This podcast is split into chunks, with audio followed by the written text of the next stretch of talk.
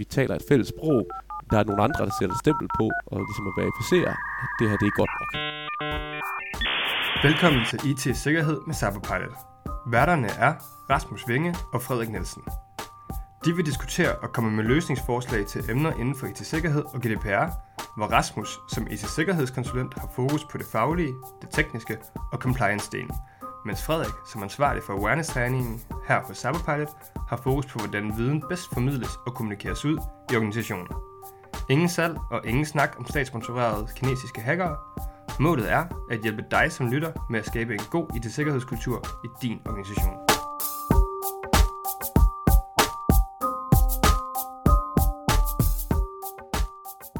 Hej og velkommen til IT Sikkerhed med Cyberpilot. Mit navn er Rasmus Vinge. Og mit navn er Frederik Nielsen. Tredje og sidste afsnit af Tilsynssagaen venter. Ja, det øh, skal handle om revisorerklæring i dag. Yes. Og de sidste par afsnit har vi talt lidt om omkring tilsyn. Øh, I første afsnit omkring, jamen, hvad er det for en størrelse overhovedet? Øh, hvorfor skal vi gøre det? Øh, og så så vi i det forrige afsnit, altså afsnittet før det her, øh, lidt på, jamen, hvordan ser det ud fra forskellige sider af bordet? Hvordan er det, man ligesom øh, får løst den her fælles øh, opgave, man har med, at den dataansvarlige skal føre tilsyn med databehandleren? Og der så vi jo, der snakker vi jo om sidste gang, at en rigtig god metode at klare det her tilsyn på, som, som er ret effektivt både for den dataansvarlige og databehandleren, det er den her berømte revisorerklæring. Mm. Fordi det giver mulighed for at snakke samme sprog, det giver mulighed for, at man i højere grad lidt kan stole på, det er der nogle andre, der, der har taget stilling til, så vi behøver ikke at lave alle de øvelser for vores eget tilsyn.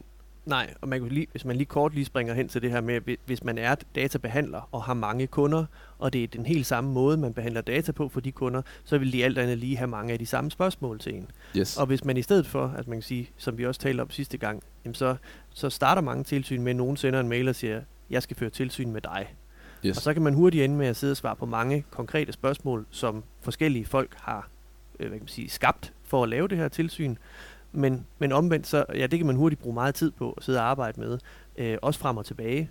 Men man kan også tage den her revisorerklæring som en anden måde at gøre det på, nemlig som du siger, hvor man taler sådan lidt et uniformt sprog, øh, hvor vi alle sammen lidt er på samme bølgelængde omkring, yes. hvad det er, vi laver. Og hvis man ser det fra den dataansvarlige side, jamen, så er det jo også en, en måde ligesom at få strømlignet den måde, man fører tilsyn på ved sine forskellige leverandører, fordi man kan sige, det kan godt være, at de leverer forskellige ting, men hvis mm. jeg ved, at jeg får dokumentationen igennem en revisionserklæring, jamen så bliver jeg også så er det også relativt nemt for mig at vide, hvad det er, jeg så skal kigge efter den revisionserklæring, i stedet for at jeg skal forholde mig til lige præcis den information, de spørgsmål, den dokumentation, der kommer tilbage ja. fra et, for forskellige databehandlere. Præcis. Så det tjener sådan et godt formål med det her at sikre, at, at vi, vi taler et fælles sprog, vi, der er nogle andre, der sætter stempel på, og ligesom at verificere, at det her det er godt nok. Og der er du jo allerede inde på, sådan, hvad en revisorerklæring er øh, og hvad den ikke er. Øh, fordi det, du sådan omtaler her, det er jo, er jo at, at det, det er nogen, der har ført kontrol med, øh, med databehandleren og sagt, det her, det ser rigtigt ud. De her ting, de bliver gjort, de bliver gennemført. Man får verificeret, man får revideret sin behandling. Ja, man kan sådan set se, hvis man nu ser revisorerklæring, det er fuldstændig, det er det IT-mæssige, det IT-sikkerhedsmæssige, eller databehandlingsmæssige regnskab, der bliver, der bliver gjort op ja. og bliver øh, revideret her. Præcis. Så fuldstændig ligesom når økonomiafdelingen, de har en årlig proces, der hedder, vi laver vores, de har en daglig proces, der hedder, vi sørger for at lave vores bogføring, vi sørger for at stille vores regnskaber op, således at vi har styr på vores økonomi. En gang om året, så kommer revisoren og banker på døren og siger, det vil jeg lige gå, gå efter i sømne.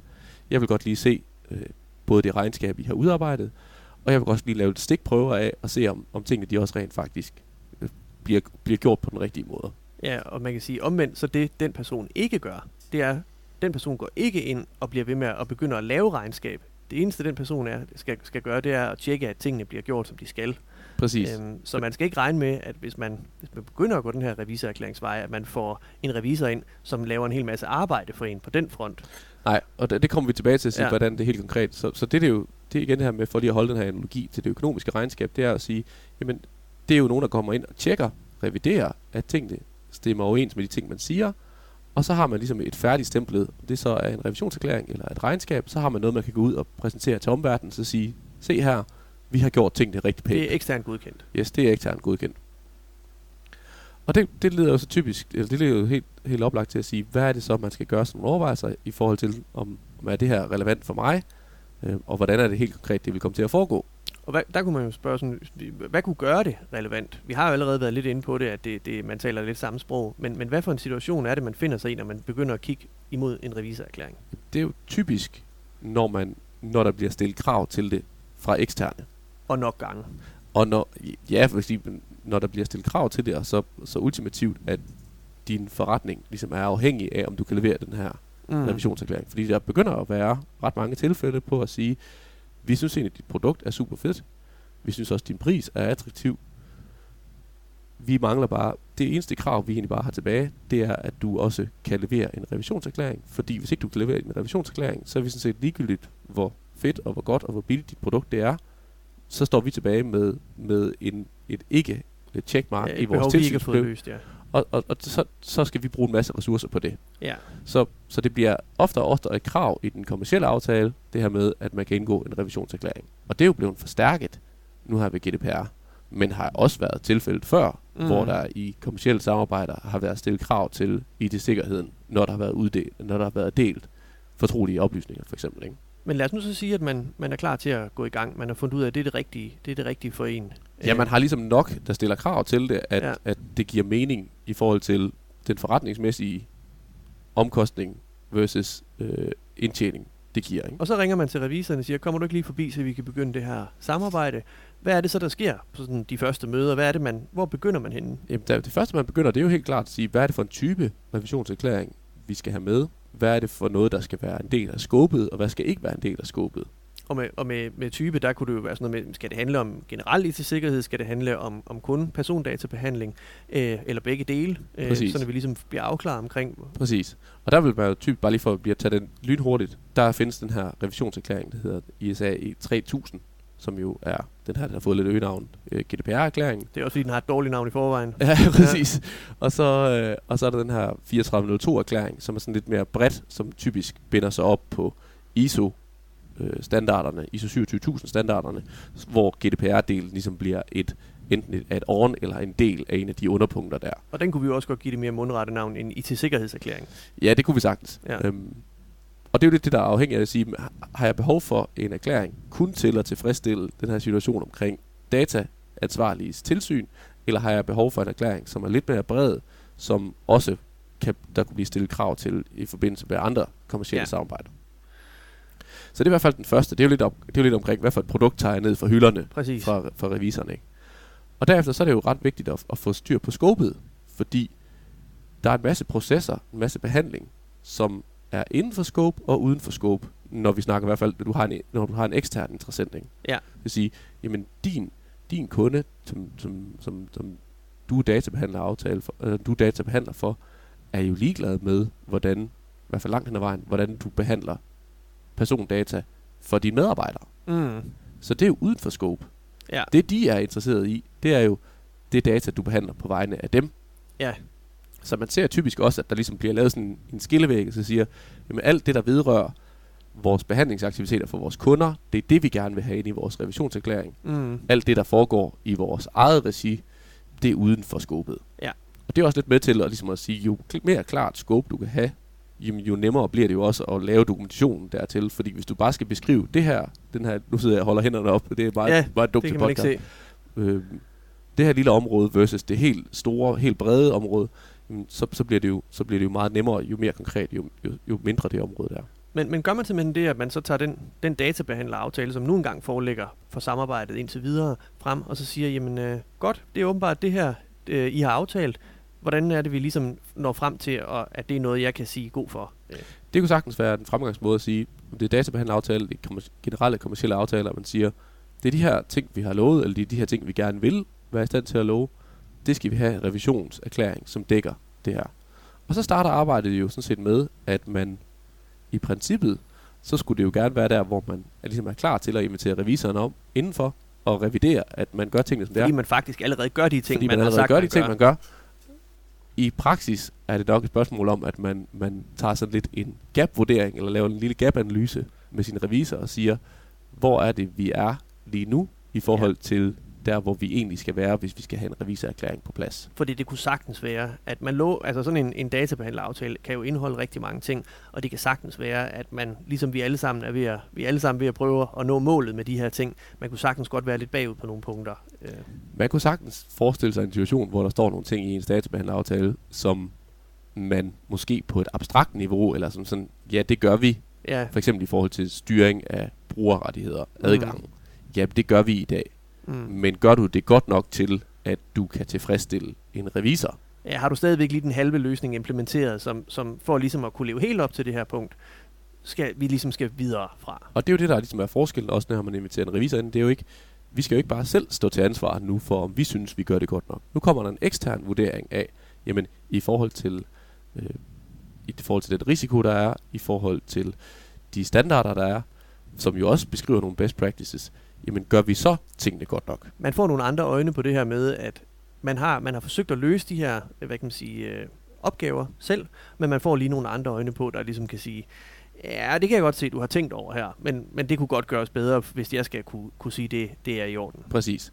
Og det man så står tilbage med, når man har været igennem sin gap-analyse, det er jo, hvor er det, vi mangler at få fyldt noget på, enten i forhold til, at vi skal gøre noget bedre, helt lavpraktisk, eller vi skal have det dokumenteret bedre. Og det er simpelthen termen gap-analyser. Hvad ja. er det, der mangler før? Ja, det kunne man kalde det, ikke? Yes. Altså man kan sige, vi laver en analyse af, hvad er det, der skal til, før du er i mål yes. på det her.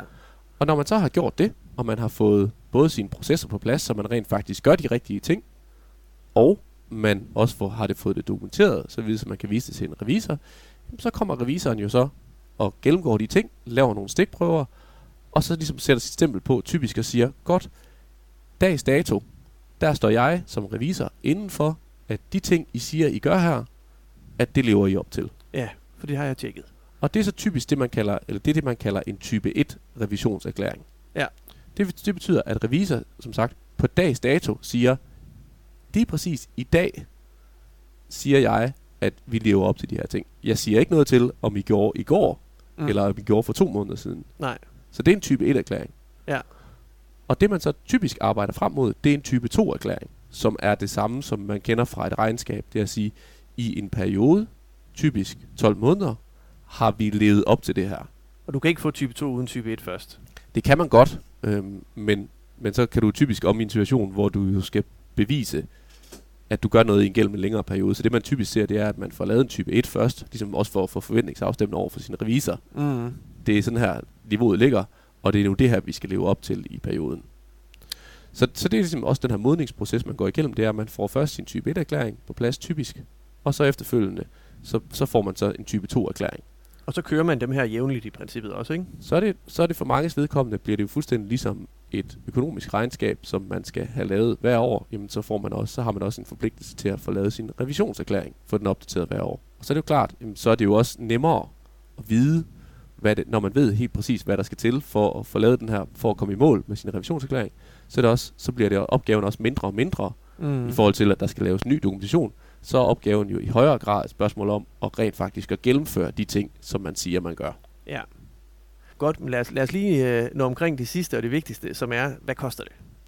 Ja, det er et super godt spørgsmål, fordi at det ville være rigtig fedt, hvis man bare kunne sætte et prisstempel på det her, og så sige, den koster altid øh, det her. Så vil man vide præcis, hvad man gik ind til. Og det er det desværre bare ikke tilfældet, fordi det, det jo afhænger, det afhænger jo sidste ende af, hvor mange timer skal en revisor bruge på at gennemgå det dokumentation, du har lavet.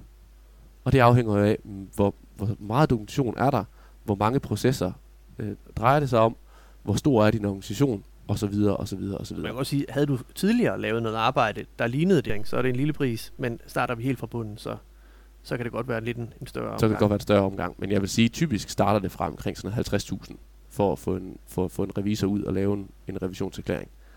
Og det er i hvert fald det, det er der, hvor man ligesom skal starte fra. Ja, man skal så, ikke regne med, at det bliver mindre, ikke? Nej, det er svært. Det er igen det her, det er jo nogle timer, der skal bruges for en revisor. De er nødt til at bruge nok timer til, at de også kan sætte deres stempel på, fordi det er jo det, det i sidste ende er. Det er, ja. at de skal, de skal jo kunne stå inde for det her.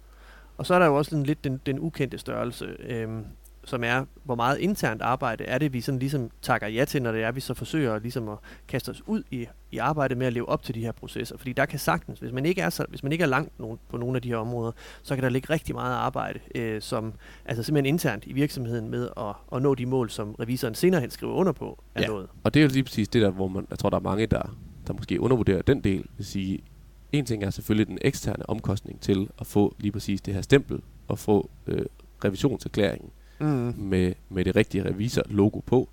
Men man skal på ingen måde undervurdere, at det så også tager tid både at få etableret den dokumentation og også at drifte de kontroller fremadrettet for at sikre, at tingene ja, det er jo en god bliver... pointe. Man siger jo også ja til nogle ting fremadrettet. Det er ikke bare one and done. Præcis. Ja. Så, så ofte skal, skal man være forberedt på, at man skal dedikere nogle ressourcer til det her internt. Man skal have en, der er ansvarlig for det internt, øhm, for at det her det rent faktisk bliver, bliver en, en, en god proces fremadrettet. Ellers så kan den hurtigt ende med at falde ned mellem to stole, og så regner man, så kommer revisoren næste år og siger, godt, hvornår skal vi have lavet vores, hvornår skal vi lave mm. opdatering til revisionserklæring, hvornår er vi klar til at lave type 2, og så står man der med håret i postkassen og siger, om har vi egentlig gjort noget i løbet af året? Vi havde fået vores erklæring sidste gang, ikke? Ja, jeg troede, jeg havde betalt mig fra det. Det svarer lidt til det igen, hvis at bogføringen skal jo blive ved med at lave, hvis du skal lave dit, dit, dit årsregnskab, øh, ja. øh, dit reviderede årsregnskab en gang om året.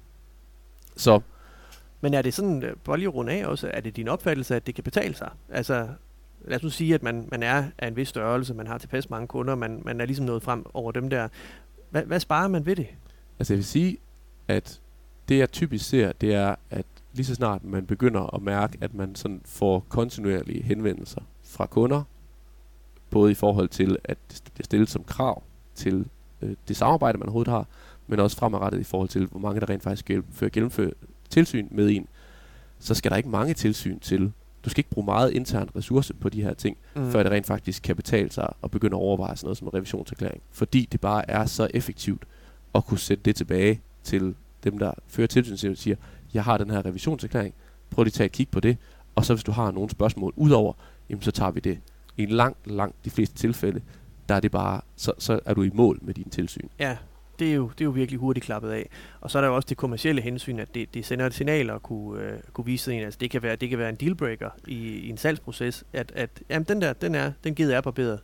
Ja. Præcis, igen, det, det bliver nemlig et, et kommersielt værktøj, det bliver noget, du også kan differentiere dig fra de andre konkurrenter, som, som jo også er databehandlere, det, på at sige, jamen, det her, det skal du slet ikke tænke på, kære dataansvarlig, kære potentiel kunde. Mm. Når det kommer til tilsynspligten, så har vi allerede, så vi skal nok vise, at vi har styr på vores ting, og I kommer ikke til at bruge særlig mange ressourcer på det.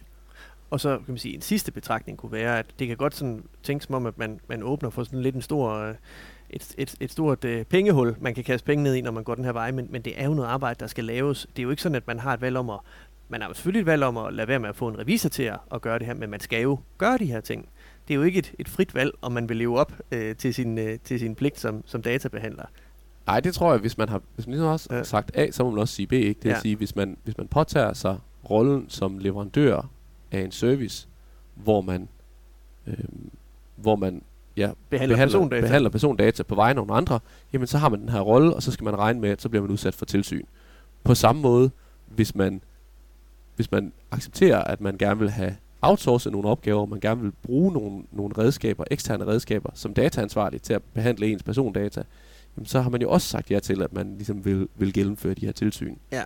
Så på den måde, så bliver du jo nødt til at finde ud af, hvordan du har tænkt dig at håndtere det her. Mm.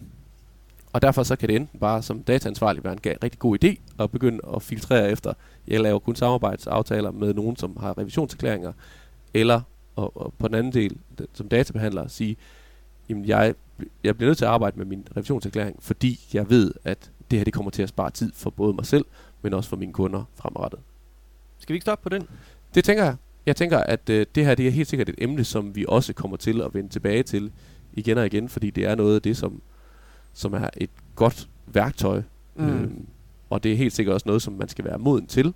Ja, øhm. og som er øvrigt selv er under forandring. Ikke? Altså, lige nu er det måske den hellige gral, og man kan sige, bare man har den, så bliver der ikke stillet flere spørgsmål, men det er jo ikke givet. Eller? Det er jo lige så. præcis. Der, der, det er også en, et, et marked under udvikling, og der bliver stillet højere og højere krav til det, så det er helt sikkert noget, vi kommer til at genbesøge. Men øhm, håber i hvert fald, at du, kære lytter, har fået et bedre indblik, eller måske et opdateret indblik i, hvad revisionserklæringer er, og håber, at du har fulgt med hele vejen igennem vores, vores trilogi, mm. tilsynssagaen, og øh, sig endelig til, hvis du har input eller kommentar til det, så hører vi det meget gerne. Send det på info.cyberpilot.dk Ellers så vil vi sige mange tak for, at du lyttede med, og rigtig god sommer. Mm. Tak fordi du lyttede med på podcasten. Husk at trykke abonner, hvis du gerne vil have besked, når næste afsnit er klar. Du kan også tilmelde dig vores nyhedsbrev på vores hjemmeside. Her vil vi løbende komme med opdateringer. Hvis du har kommentarer, input eller idéer til podcasten, så skriv til os på info